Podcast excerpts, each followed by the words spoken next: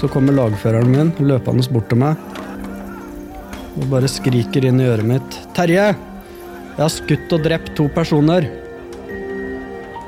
Ja, det er mottatt, sier jeg. Våre historier, en podkastserie fra Forsvaret.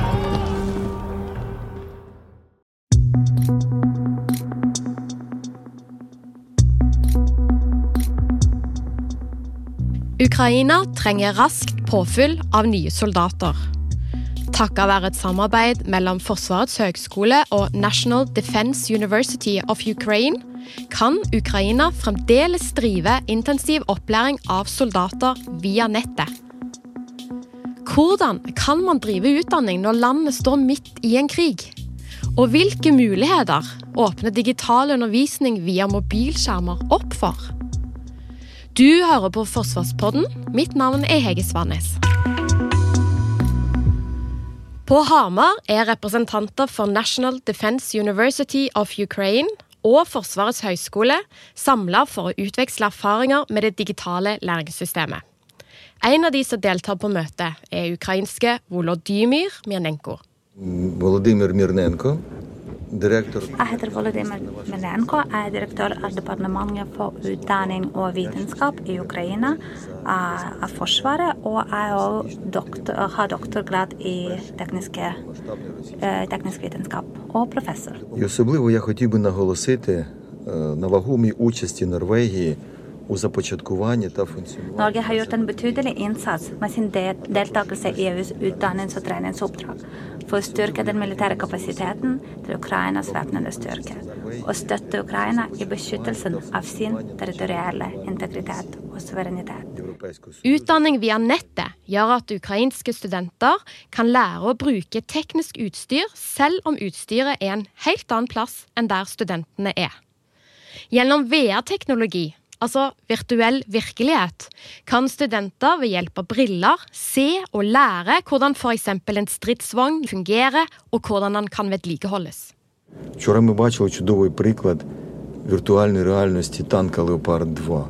Men gjennom VR så kunne inntil 30 studenter se på den tanksen samtidig. Du kunne observere den, de kunne prøve sine bevegelser, se hvordan det er å sture og vedlikeholde. Eh, det er jo helt uante muligheter med den digitale eh, undervisninga nå.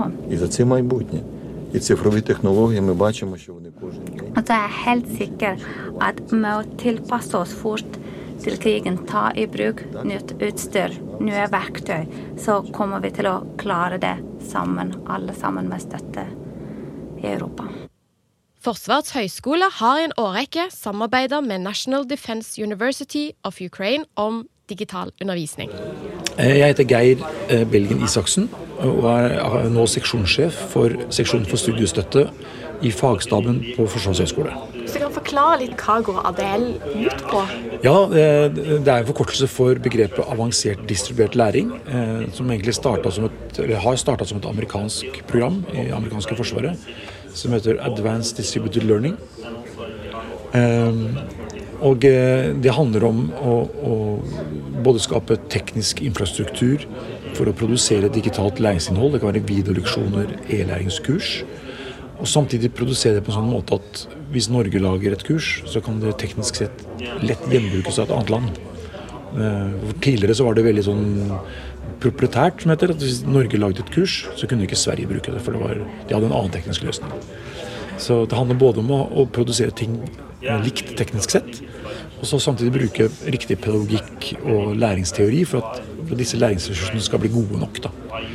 Eh, Så at en videoleksjon f.eks. kan erstatte en klasseromsundervisningstime.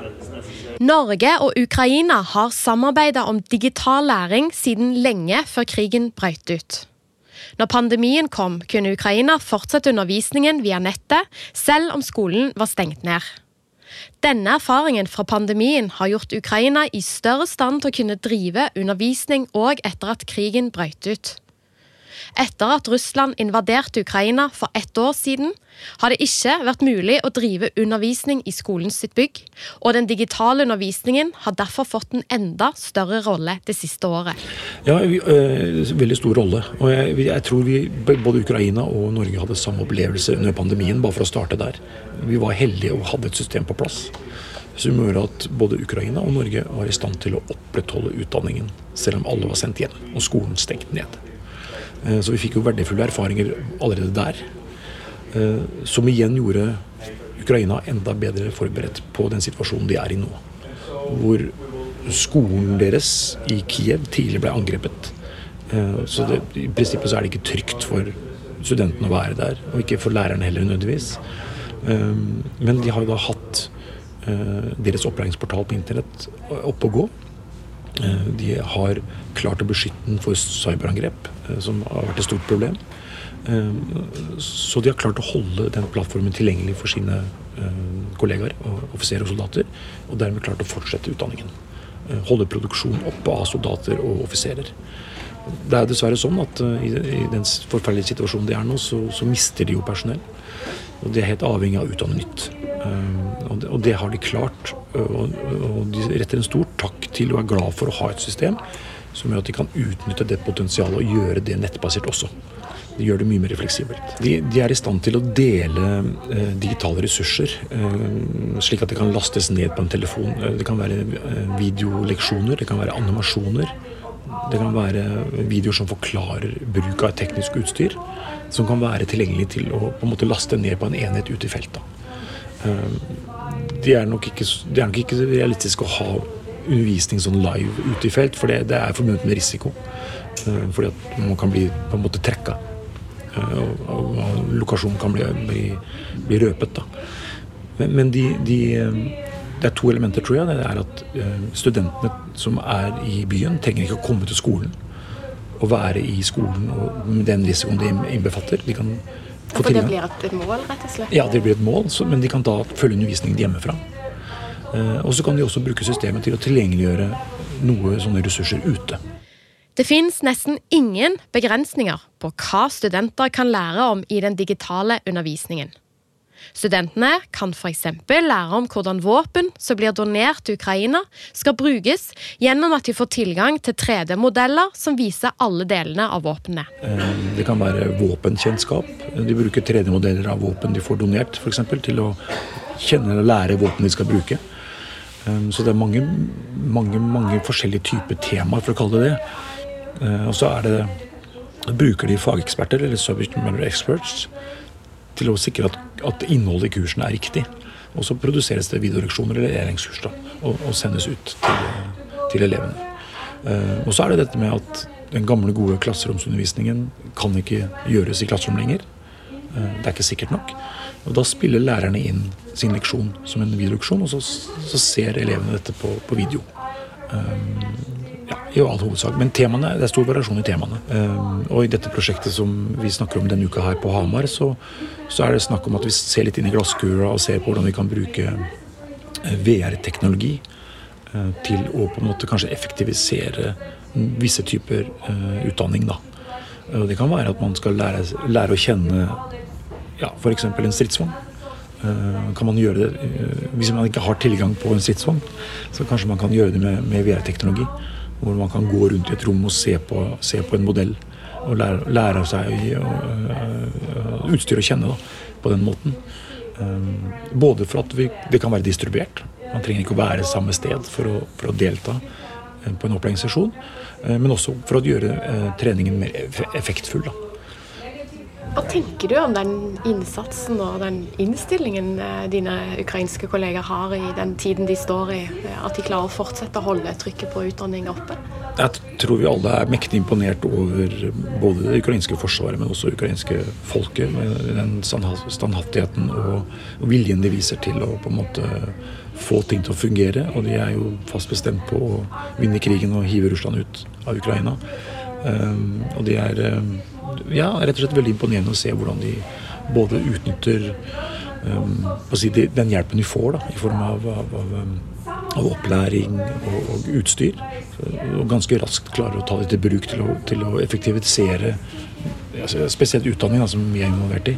På en sånn måte at de, de klarer å opprettholde det trykket og produsere nytt personell, da, som er så viktig. Og med god kvalitet. da. Eh, ukrainske, våre ukrainske kollegaer både fra, fra, universitetet og fra departementet har ved flere anledninger på en måte understreket at uh, uten hjelp fra Norge og, og, og fra andre, så, så, hadde ikke de hatt dette digitale systemet i dag, som de nå er helt avhengig av. Etter at krigen brøt ut, har samarbeidet endra seg. Nå haster det mye mer å stille opp med det Ukraina trenger av undervisningsopplegg.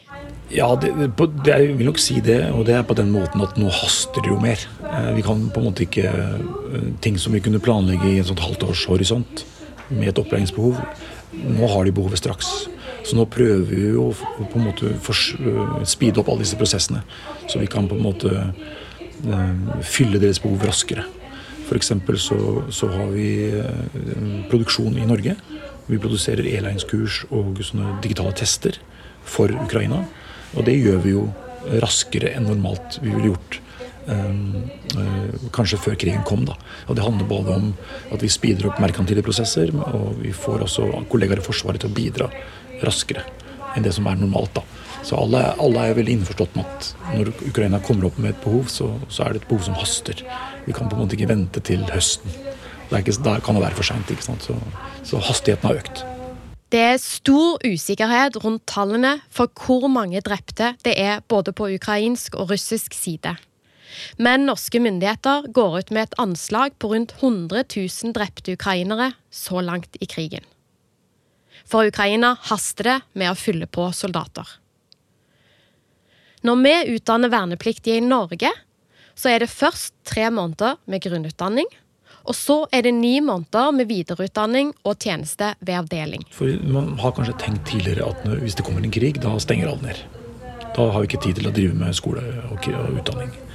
Men erfaringene fra Ukraina viser jo at det er jo viktigere enn noen gang å holde utdanningssystemet i gang. Eh, fordi at man, ja, man har tap, man må produsere nytt personell, eh, man får nytt utstyr. Man, man må kanskje lære, man er helt avhengig av å holde det systemet oppe og går. Eh, og det har jo fått eh, ja, oss til å tenke også. Er vi forberedt? Eh, har vi et, et, robust system som vi klarer å holde gående hvis vi kommer i en tilsvarende situasjon? Er det krise og krig? Er vi klare for en sånn situasjon? Når, når det helt klart viser erfaringene fra Ukraina at det, det, er helt avgjørende at du klarer å holde utdanningssystemet oppe og går. Ukrainerne oppdaget jo veldig tidlig at fienden var interessert i å få tak i all informasjon om deres studenter. Både de som har vært tidligere studenter, og de som var nåværende studenter. Fordi de var interessert i å få tak i alle med militær trening. Rett og slett for å ta de ut. Så det er også ting vi må tenke på. da. Er vi i stand til å, å, å beskytte vårt system? Sånn siste spørsmål. Men mm. sånn rent personlig, hva betyr det for deg å jobbe så tett med ukrainerne og bidra i en sånn situasjon? Ja, det er jo jeg, tror jeg, Vi snakker mye om det, men det er jo, det er jo noe, noe, av det mer givende vi gjør i Forsvaret nå, og Forsvarshøgskole, i hvert fall for meg òg. Så er det jo et veldig, det er en veldig givende oppgave. Uh, du får jo tilbakemelding på at det vi gjør, uh, hjelper dem. Skulle selvfølgelig ønske at vi kunne gjøre veldig mye mer. Uh, når krigen starta 24.2 i fjor, så tror jeg de, fleste av oss ble, liksom, du blir, fortvilt. At folk du kjenner der borte, som er gode venner og kollegaer, blir satt i en sånn situasjon. Eh, både med fare for på en måte, sikkerhet og alt. Eh, så, så, så, da er det veldig fint å kunne gjøre noe. Eh, bidra litt på å hjelpe dem. Det, det, tror jeg alle på høyskolen og alle, sikkert mange i Norge som føler på det. At det, det er fint å kunne gi noe små bidrag til å, å hjelpe dem så, så, godt vi kan. da. Så ja, jeg, i hvert fall for, for min personlig så er det veldig givende å, å bidra. I, å støtte Ukraina i deres kamp. da. Det, de, gjør jo, de, de, kjemper jo på vegne av oss også, så det gir stor, det gir stor mening. Du har hørt på Forsvarspodden. Del gjerne episoden, og hvis du abonnerer, kommer det en ny episode hver fredag.